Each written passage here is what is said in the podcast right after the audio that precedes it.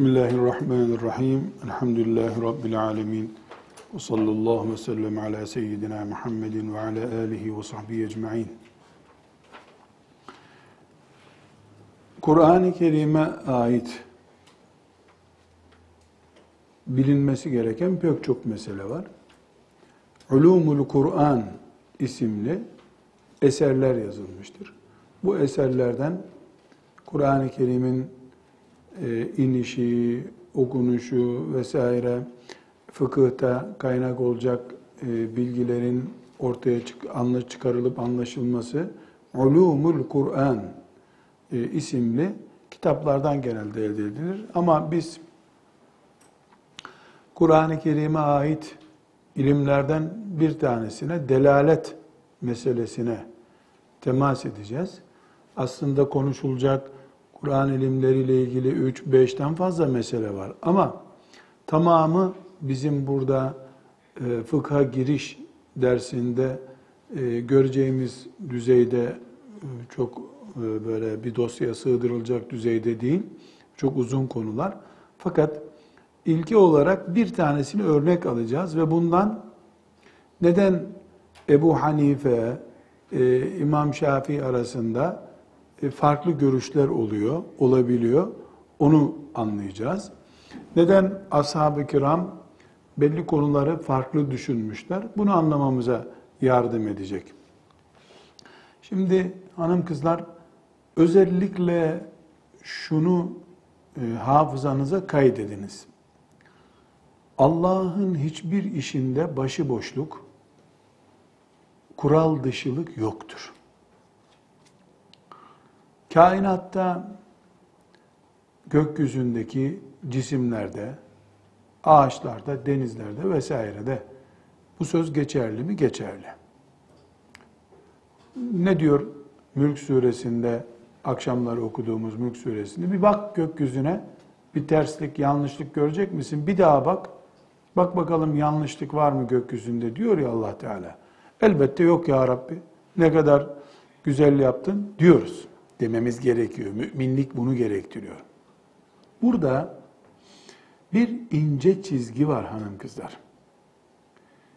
Allah şeriatını gönderirken, peygamberinin eliyle bize din gönderirken, şu göklerdeki milyarlarca, trilyonlarca yıldızda dizme, yerleştirme hatası yapmayan Allah, Kur'an'ını Kureyş'e gönderirken, peygamberini Medine'ye hicret ettirirken bir eksiklik, planlama hatası yapmış olabilir mi?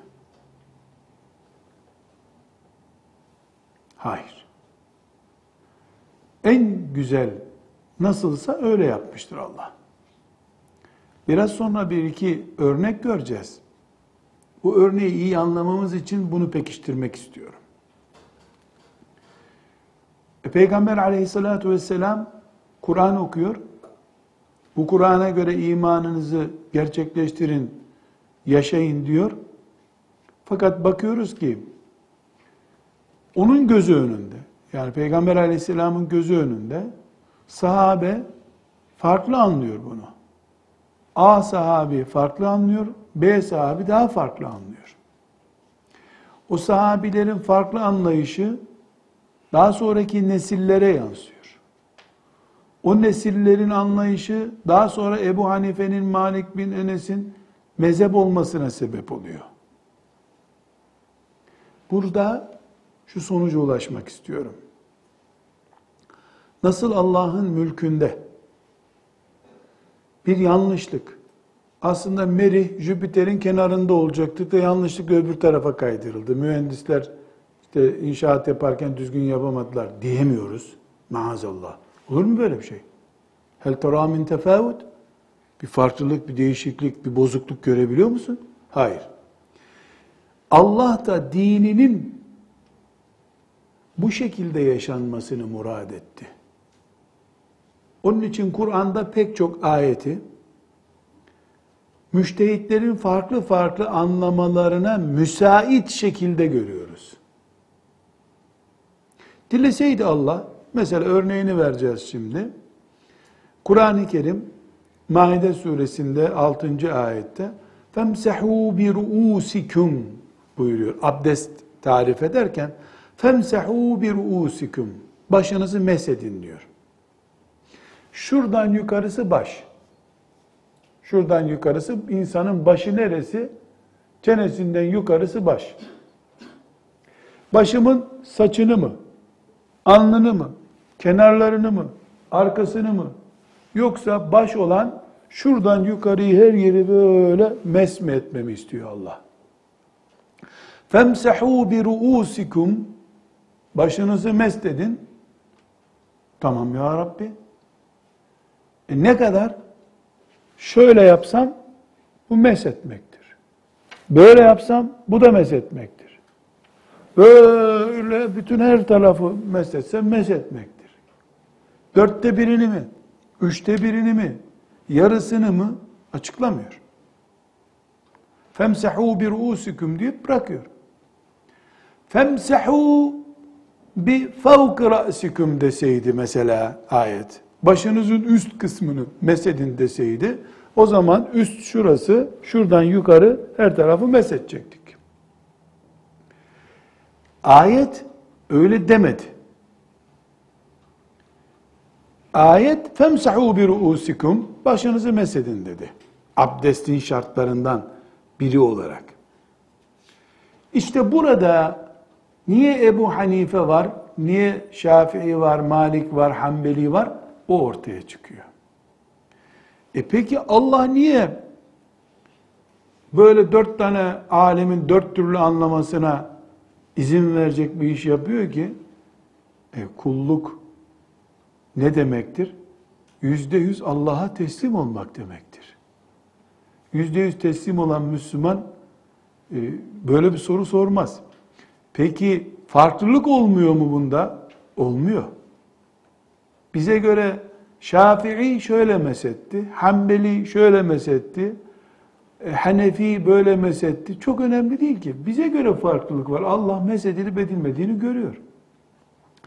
Yani ashab-ı kiram ihtilaf etmiş olmasalardı, yüzde yüz tek görüşte olsalardı, o zaman ne Ebu Hanife ne de Malik ayrı davranmakla doğru yolda olmamış olacaklardı. Bilakis hepsi doğru yoldadır diyoruz. Çünkü ashab-ı kiram farklı farklı anladılar Kur'an'ı diyoruz. Zira kitabımız Kur'an farklı anlaşılacak boyutları vardır. Elbette bu farklı anlayış laiklik cenderesinden geçmiş nesillerin keyfine göre anlaması değil. Buradaki farklı anlayış müçtehitlerin Kur'an'da derinleşmiş, Kur'an'ın içinde buhar olup kalmış nesillerin, alimlerin farklı anlaması ile ilgilidir. Farklı anlamaya uygun olarak. Bu Kur'an'ın ayetlerinin delaleti olarak isimlendirilir. Neye delalet ediyor Kur'an-ı Kerim? Ayet neye delalet ediyor? Ne gösteriyor? Müştehit baktığında Kur'an'ı okuyan ve Arapçasından anlayan anladığında ne anlıyor bundan? Misal Nur suresinin ikinci ayetini okuyalım. Bismillahirrahmanirrahim. Ez-zaniyetu ve-zani feclidu kulle vahidin minhuma mi'ete celde. Zina eden kadın ve zina eden erkeği her birine yüz sopa vurun. Yüz sopa vurun. Buradaki yüz sopa ifadesi, zina eden kadın, zina eden erkek ifadesi çok açık. Sopa ne demek belli zaten. Kırbaç ne demek belli, kılıç ne demek belli. Yüz kılıç vurun demiyor. Yüz kırbaç vurun, yüz sopa vurun diyor. Zina da belli. Zina ne demektir? O da belli. Kadın ne demek, erkek ne demek belli. Dolayısıyla bir Arapça bilen mümin, müştehit olmasa bile اَزَّانِيَةُ وَالزَّانِي فَاجْلِدُوا كُلَّ وَاحِدٍ مِنْهُمَا مِئَةَ celde ayetini Allah'ın kitabında okuduğunda herhangi bir sorun yaşamaz.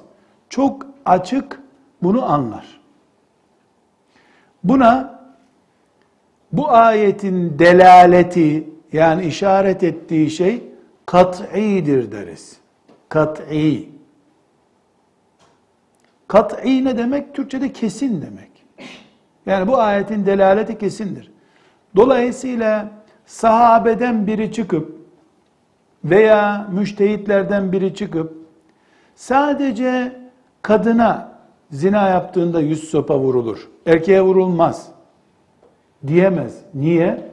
Çünkü ayet ezzaniyetu ve zani feclidu kulle vahidin minhuma her ikisine yüzer sopa vurun diyor. Yüzer sopa. Anlaşılmayacak, üstü kapalı, mecazi bir deyim yok burada. Bu nedenle bu ayette hiçbir mezhep farkı, iştihat farkı olmaz. Bu ayet delaleti kat'i ayettir deriz. Yani ne dediği tam net anlaşılıyor ayetin. Yorum yapmaya gerek yok. Aynı şekilde Maide suresinin 6. ayetindeki İza kumtum ila salati Ey müminler namaza kalktığınız zaman yani namaz kılacağınız zaman fagsilû vucuhakum yüzünüzü yıkayın ve eydiyekum ilel merafiki ellerinizi merafik şu kapağa kadar diz dirseğe kadar yıkayın vemsahu bi ruusikum başınızı meshedin ve arculekum ilel ka'beyn Ka'b e, topuklarına kadar da ayaklarınızı yıkayın demiş ayeti celile. Bu ayette vemsahu bi ruusikum ayeti biraz önce konuştuğumuz gibi Allah'ın emri olarak baş üstüne. Başınızı mesedin diyor. Kur'an'dan olduğunda da şüphe yok zaten. O konuda da bir kat'ilik var. Ama delalet ettiği, gösterdiği şey ne kadardır? Bu ancak Peygamber aleyhissalatu vesselamın açıklama getirmesiyle anlaşılır. Eğer derse Peygamber aleyhisselam o ayetteki وَمْسَحُوا بِرُؤُسِكُمْ ayetindeki başınız ifadesi dörtte biri göstermek içindir. Ha, dörtte birini mesedin yeter deseydi veya parmağınızın ucunu değdirin deseydi yine yeterliydi. Bu bilgi varsa sorun yok. Eğer böyle bir bilgi de açıklamadıysa Efendimiz sallallahu aleyhi ve sellem iki nokta üst üste. O zaman Allah müştehit fakih kullarının bu konuda dirsek çürütmelerini, beyin yormalarını istiyor demek ki. İstiyor ki kulları ömür çürütsünler. Talebeler medreselerde aylarca bunu konuşsunlar istiyor. Aynı şey mesela kadınların ay başısı ile ilgili ayette de vardır. Selâsete kuru diyor ayet. Üç kuru, kuru ka kelimesi, kar kelimesinin cemisidir. Üç kar beklesinler. Üç kar vel mutallakat yeterabbasne bi enfusihinne selasete kuru. Üç kar beklesinler. Üç kar nedir? Üç temizlik süresi mi? Üç aybaşı süresi mi? Üç defa aybaşı olunca mı? Üç defa aybaşından sonra temizlenme mi? Bakıyorsun ki bir müçtehit üç aybaşı olarak anlamış bunu. Öbür müçtehit de üç temizlik süresi olarak anlamış. Neden ama? Dedik ki daha önce Kur'an Arapçadır. Yüzde yüz Arapçadır. Kar kelimesi de Arapçada hem kadının aybaşı olması hem de ay başından sonra geçirdiği temizlik sürecine verilen isimdir. Kur'an bu kelimeyi, Kur'an'ımız bu kelimeyi bir işaret yapmadan kullanıyor. Nedir bu işaret? Mesela temizlik anlamındaki karten üç tane geçtikten sonra demiyor. Mübhem kalacak bir şekilde kullanıyor. Dolayısıyla buradaki delaleti Kur'an'ın kat'i değil. Yüzde yüz şu anlama diye yorumlayamıyorsun. Bu sebeple talaktan sonra iddet ne kadardır sorusuna üç kardır diyorsun bu kesin. Dörttür, iki buçuktur demez hiçbir müştehit. Neden? E, üç, Allah üç diyor. Selasete kuru, üç dedikten sonra vallahi bize göre yedi olması lazım diyecek hali yok bir müştehidin. Kur'an oyuncak değil. Ama bakıyorsun ki İmam Şafii e, bir manayla yorumlamış. Ebu Hanife rahmetullahi aleyh haklı olarak bir e, manayla yorumlamış. Biri demiş ki üç temizlik süresindedir beklemek. Biri de demiş ki üç aybaşıdır. Bunun arasında ne fark var diyemezsin. Çünkü bir bayanın temizliği hesap alındığında, üç temizlik süresi hesap alındığında mesela 70 gün sürebilir bu süreç. 3 ay başıyı hesap ettiğinde e, 60 gün sürebilir. Her halükarda Allah Teala 70 günde diyebilirdi. Burada sizi bir noktaya getirmek istiyorum. Buna dikkat ediniz. 70 gün deseydi Allah, kadın 70 gün bekleyecek deseydi veya 120 gün bekleyecek deseydi mesela, 3 temizlikte, 5 temizlikte arada kaynamış olacaktı. Hiç bu sorun olmayacaktı. Bilerek, şu göklerdeki cisimleri yerine bilerek yerleştiren, güneşi aydan büyük yapan, dünyayı aya tabi etmeyen, ayı dünyaya tabi eden, ne bileyim böyle bir farklılık bilerek yapan Allah, herhalde bilerek mesela dört hicri ay diyebilirdi. Mesela ölen, kocası ölen kadının وَالَّذ۪ينَ تَوَفَوْنَ مِنْكُمْ وَيَذَرُونَ اَزْوَاجًا يَتَرَبَّصْنَ بِأَنْفُسِهِنَّ اَرْبَعَةَ اَشْهُرٍ وَعَشْرًا Ölen erkek kadın bırakıyorsa kadının kocasından sonra bekleyeceği iddet dediğimiz ikinci bir erkekle evlenmesi haram olan süre. Rahminin boş olup olmadığını belli olması için kadının beklemesi lazım. ikinci bir evlilik. Yani boşandıktan sonra da beklemesi lazım. Kocası öldükten sonra. Boşandıktan sonra selasete kuru diyor. Üç temizlik süresi beklesin diyor.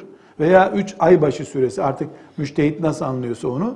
Ama kocası ölen kadından söz ettiği zaman erbaate eşhurin ve aşra. Dört ay on gün bekleyecek diyor. Dört ay on gün diyor Allah. Bunu kocası ölen kadın için diyor. E aynı Allah üç ay diyebilirdi. Demiyor. Kuru kelimesini kullanıyor. Kuru da o manaya da bu manaya da gelince fıkıhta veya Arapça dilinde bu sefer müştehitler mesela kocası ölen kadın için ihtilaf yok fıkıhta. Otomatik olarak 4 ay 10. gün biter, 11. gün evlenir. İddeti bitmiş olur. Boşanan kadın için kuru tur bekleme süresi dediğinde kuru kadının ay başı geçirdiği kanamalı günleri alınca başka bir tarih çıkıyor. Temizlik günlerini alınca başka tarih çıkıyor olabiliyor bu sefer. Bunları fıkıhta ne yapacak kadın diye konuşmak için almadık buraya. Kitabımız Kur'an-ı Kerim tek bir noktası dahi Allahu Teala'nın istemediği şekilde değildir. Bir. Yüzde yüz Allah'ın istediği gibidir yani. İki, Allahu Teala'nın işinde de hikmetsizlik, karışıklık, işte mürekkep çok dökülmüş onun için bir nokta fazla çıkmış gibi şeyler haşa ebediyen olmaz. Üç, gözümüzün önünde Kur'an'da müştehitlerin farklı anlamasına müsait konular var. Bu da bir hakikat. Beş, demek ki Allah kullarının Kur'an üzerinde ömür çürütmelerini, göz nuru akıtmalarını, sabahlara kadar uykusuz kalmalarını istiyor. Niye böyle istiyor? E canım onun ne istediğini kendisi bilir. Ama zahiren şöyle kul olarak anlayabildiğimiz şudur. Eğer böyle farklılıklar olmasaydı İncil'in başına gelen akibet Kur'an'ın başına da gelirdi. Ezberlenir ezberlenir üzerinde kafa yorulmayan bir kitap olurdu. Halbuki Kur'an'ın kar kelimesini kullanmasından ciltler dolusu ilim çıkardı müştehitler. Bu da heyecan kattı İslami hayata. İslami hayatın donuk olmamasını sağladı. Mezhepler sayesinde İslam rengarenk her mevsim açan çiçeğe döndü. Mezhepleri kaldırsak, tek fıkıh olacak, sadece Ebu Hanife olacak, sadece Abdullah İbni Mesud'un görüşü olacak desek, bu zamanla Müslümanların arasında uyduruk peygamberlerin çıkmasına varıncaya kadar bir yığın sonuca götürür Müslümanları. Halbuki bir Ebu Hanife Kur'an'ı mekik dokur gibi dokuyor. Deha bir insan ortaya çıkıyor. Allah milyonlarca Müslüman peşine düşüyor. Bir Şafii geliyor rahmetullahi aleyh bakıyorsun ki yerden yere vuruyor Ebu Hanife'yi. Yerden yere vuruyor. Nasıl Kur'an'ı böyle anladı diyor. Sonra geliyor Ahmet bin Hanbel İmam Şafii'nin pabucunu dama atıyor bu sefer. Bakıyorsun geliyor İbni Hazm dördünü de yerden yere vuruyor. Ne yaptınız yanlış anladınız diyor. Geliyor başka bir nesil bunların dördü beşinden pamuk gibi bir elbise çıkarıyor kendine. Kıyamete yakın geliyor filanca alim şu derinliği çıkaramamışlar bunlar diyor. Halbuki sadece Ebu Hanife'de kalsaydı bu oyun, bu iş Ebu Hanife'nin omuzuna kalsaydı, Ebu Hanife put olup gidecekti. Ebu Hanife'nin peşinden gidecekti kim herkes. Şimdi de Ebu Hanife'nin peşinden gidenler gidiyorlar ama ilahtır bu demiyorlar. Hocamızdır diyorlar. Öbür hoca o da hoca. O o da hoca. Bizim buradan ashab-ı kiram başta olmak üzere buradan çıkardığımız sonuç yani ulumul Kur'an dediğimiz ilimde bir sürü mesele var. Burada onlara temas etmeyeceğiz. Çünkü o zaman e, fıkha girişten ziyade ulumul Kur'an'a döner bu. En az 50 ders ulumul Kur'an yapmamız lazım bizim.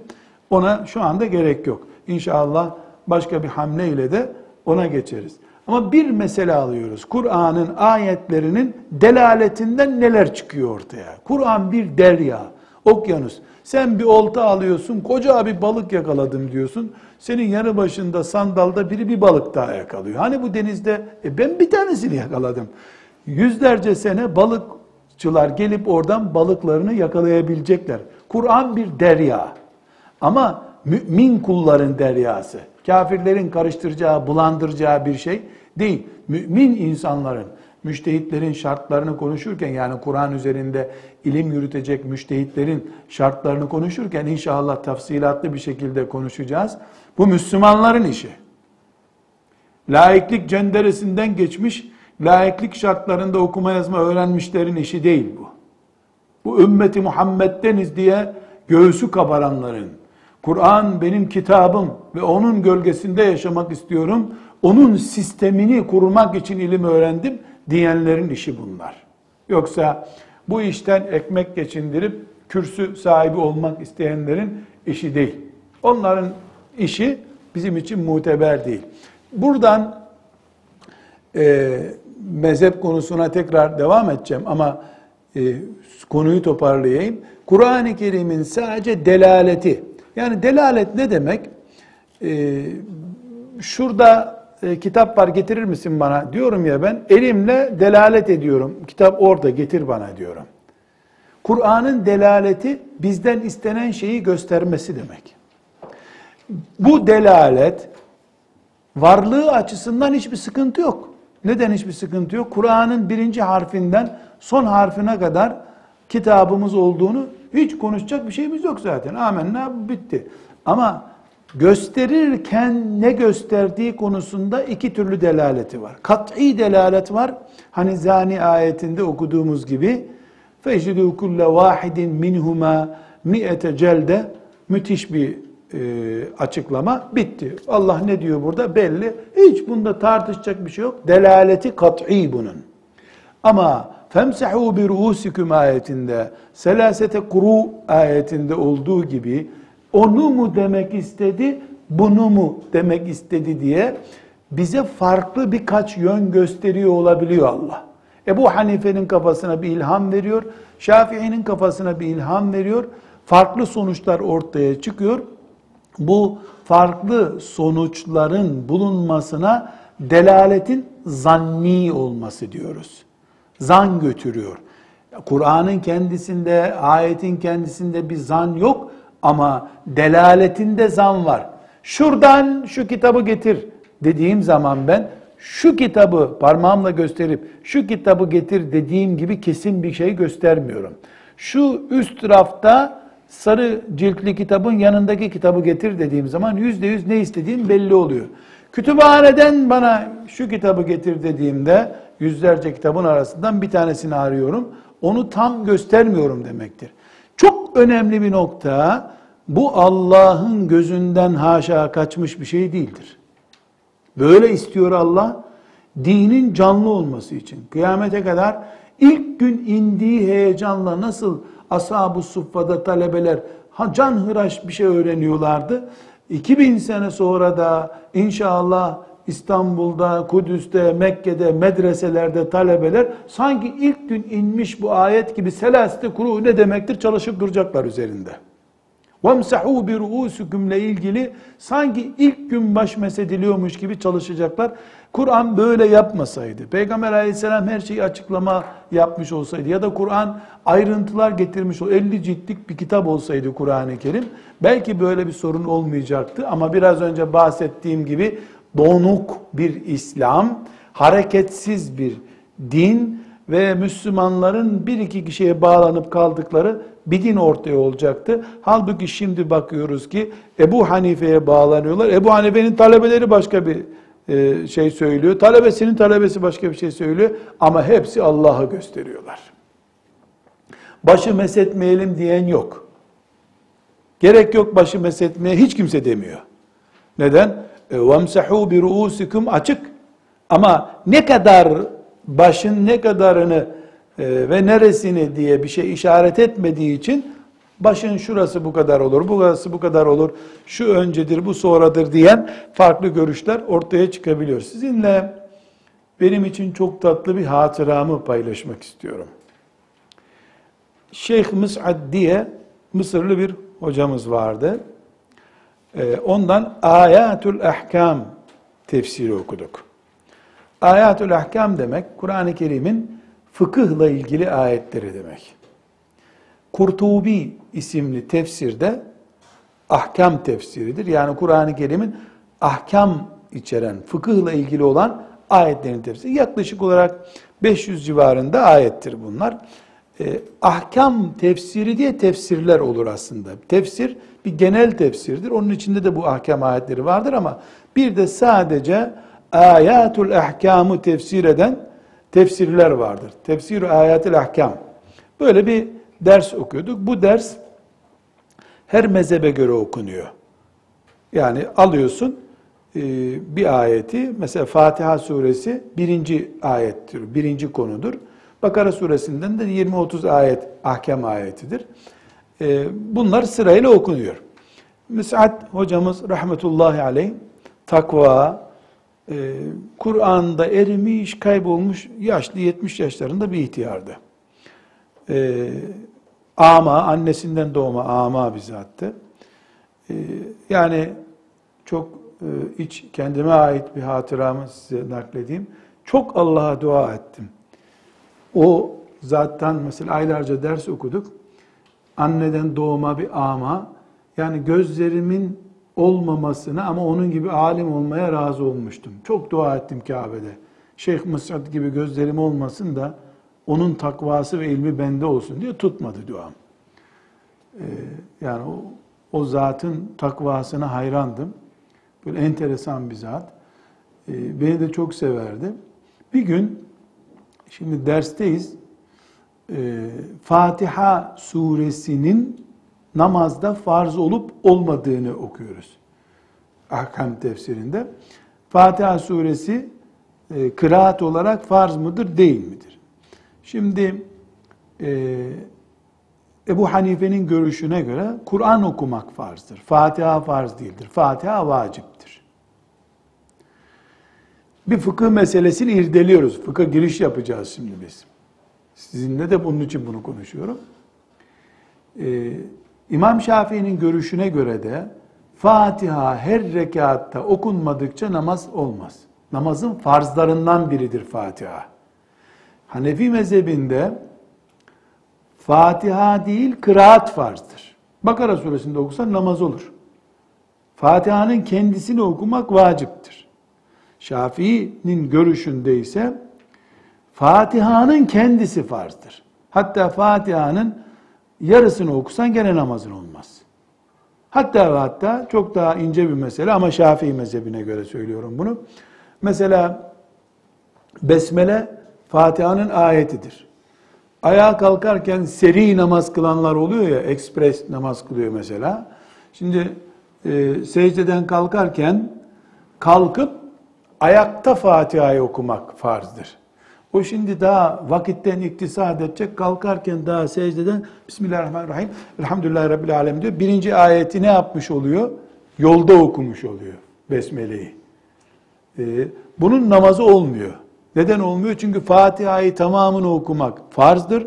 Bu yarısını ayağa kalkmadan okudu. Ayağa kalkmadan okununca olmuyor. Ama bu yani Hanefi mezhebinde böyle değil. Şimdi bunu dinleyip de eyvah geçen sene öyle yapmıştım da namazlarını kaza etmeyelim.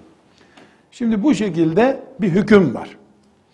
Bunu zannediyorum 15 ders mi ne okuduk biz? Yani Fatiha suresi ile ilgili çünkü onlarca hadis, onlarca görüş, filanca böyle dedi böyle işte bir sene 7-8 tane ayet okuduk böyle. Fatiha da onlardan bir tanesi bir sure. Yani 3 saat 4 saat günde okuyoruz bu kadar ilerliyor.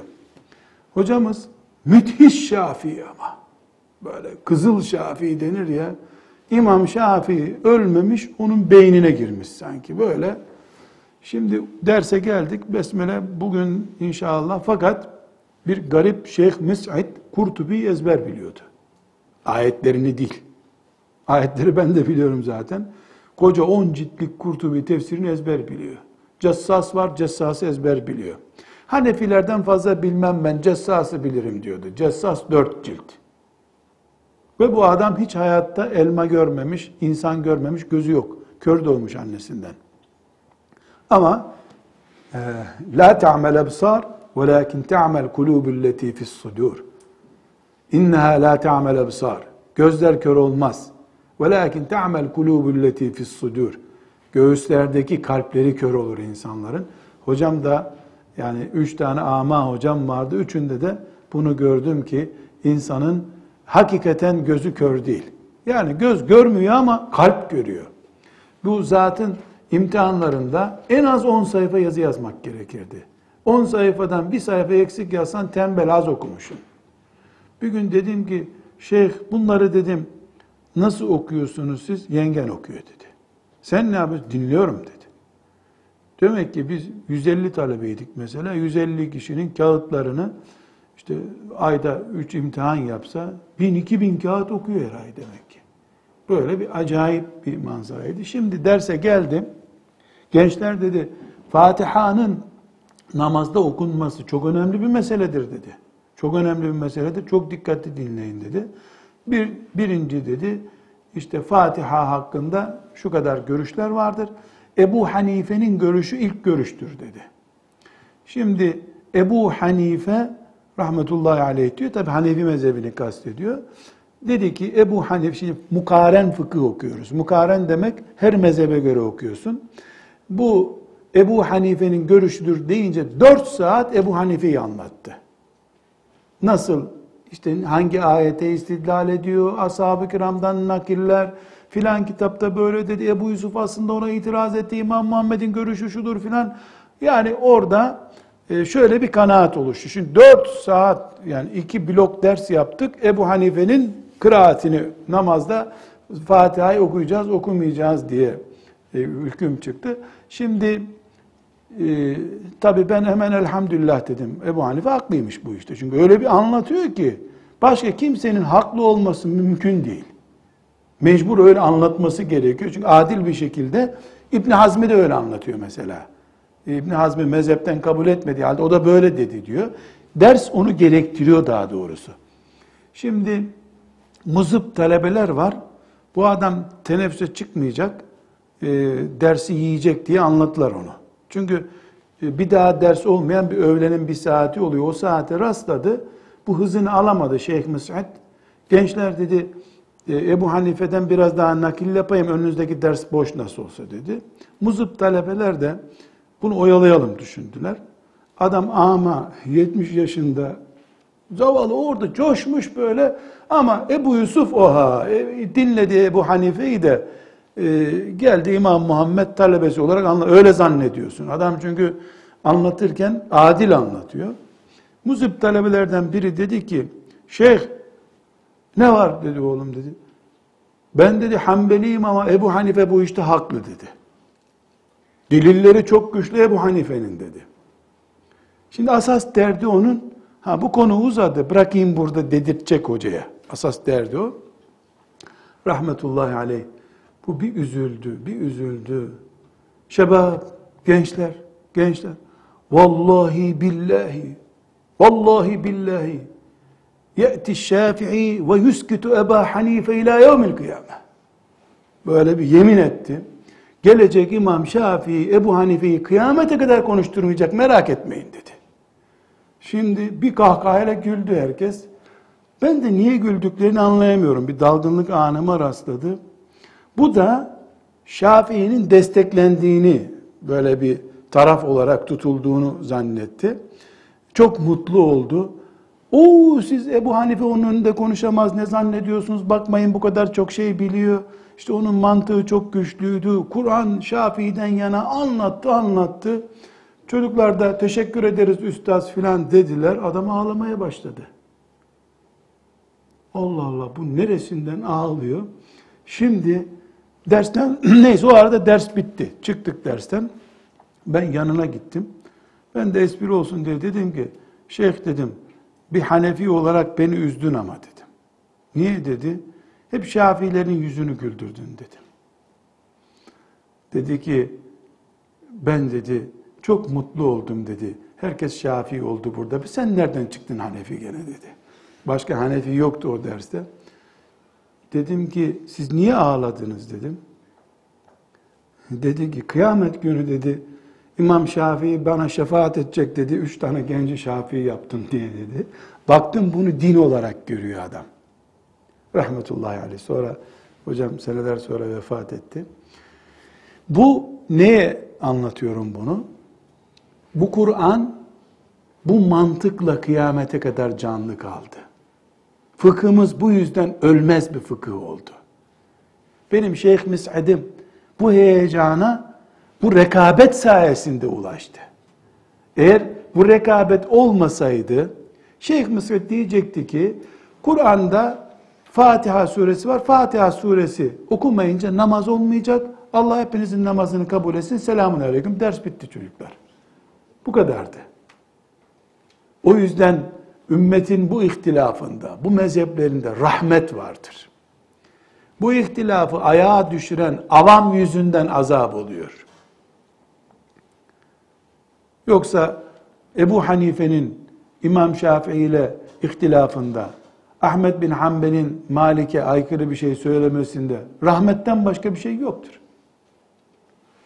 Şeyh Mes'ud inşallah e, şefaatine nail oluruz. Onunla ilgili e, ara sıra odasına gider böyle işte dert anlatırdım, bir şeyler dinlerdik. O da beni severdi. E, ona bir gün dedim, ben dedim Kabe'de dua ettim, senin gibi olmak istiyorum dedim böyle gözlerim olmasın, senin kadar ilmim ve takvam olsun istiyorum derken çok hoşlandı, duygulandı. E, dedi ki Nurattin sana dedi söyleyeyim dedi. Melekler biliyor dedi. Ama reklam için söylemiyorum dedi. 19 senedir Mekke'deyim ben dedi. 19 senedir Mekke'deyim. Hiçbir namazımı evimde kılmadım. Hep Kabe'de kıldım dedi. Ders zamanlarını da namaza göre ayarlıyormuş meğer ki. Ve 19 senedir her Ramazan günü iftarımı sa'i ederken yaparım ben dedi. Şimdi umreye gitmediyseniz tabi bilmezsiniz bunu.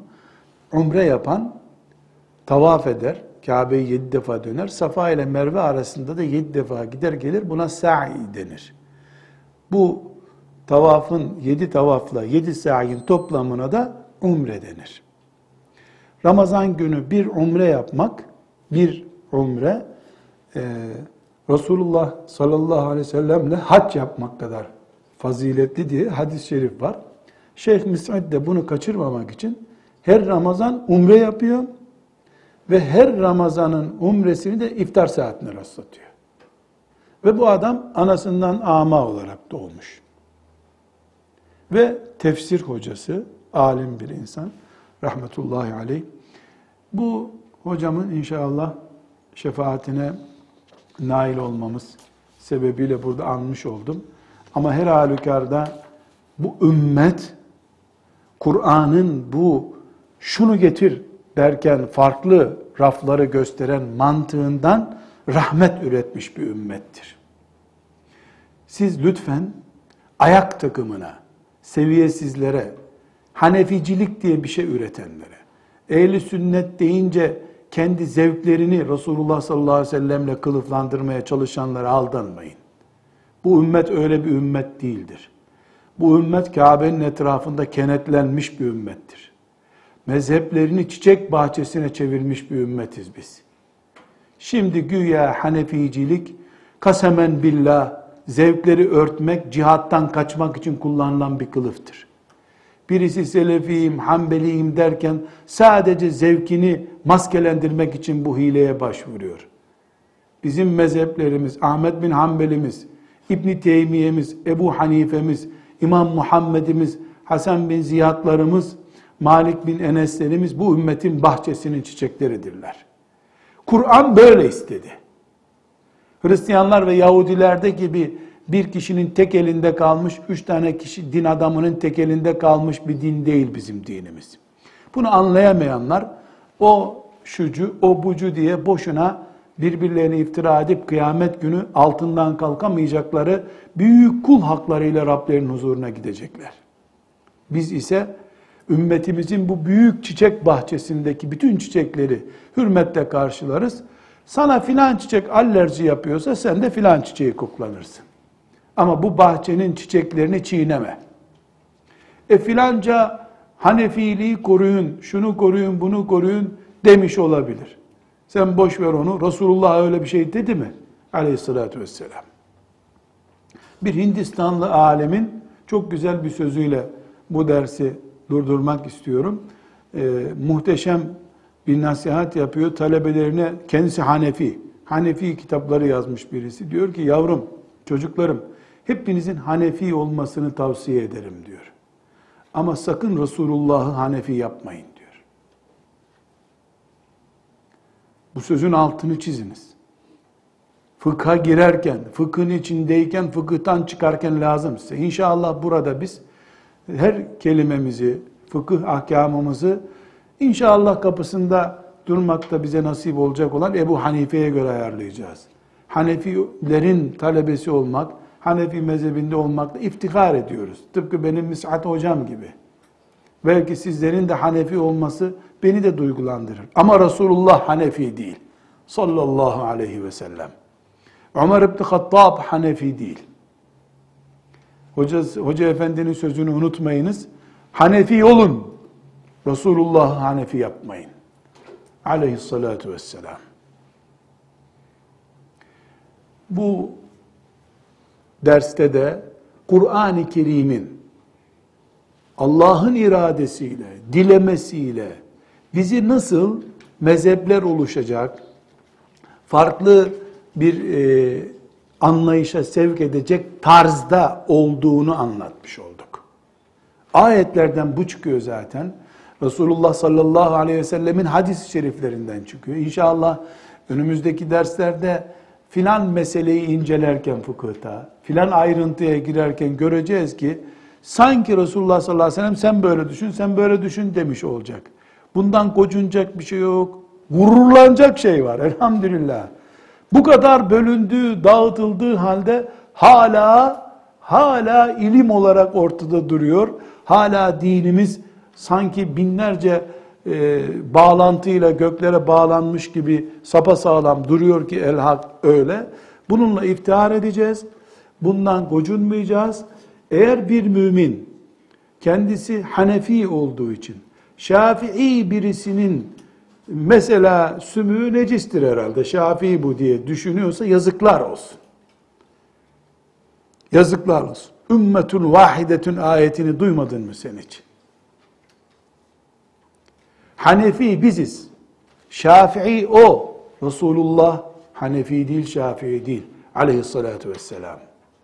Ama bütün bunlar edep sınırlarını aşıp bu ümmetin büyük imamlarını ilkokul arkadaşımız gibi görmek durumuna getirecekse bizi bu da edepsizliktir. Bu da edepsizliktir. İlmin ne, haddin ne, üç tane kitap altını çizerek okumuşsundur en büyük ihtimalle. Ne Kureyş'tensin, ne nereden ne bir ilmin var, ne sahabisin. Sen ne hakla, ne cüret. Allah'ın o büyük kullarını kendine denk görürsün. Ben de böyle düşünüyorum dersin. Sen ilkokul arkadaşlarınla maç et. Allah'ın o seçtiği ve ümmetin önüne koyduğu insanların şahsiyetiyle oynanmaz. Çarpılır insan. En azından bereketin gider. O bereketsizlik de çarpılmıştan beter hale getirebilir. Bu feyzi, bu bereketi Allah'ın bu dostlarından biz alıyoruz. Onlar Allah'ın dinini bize öğretiyorlar.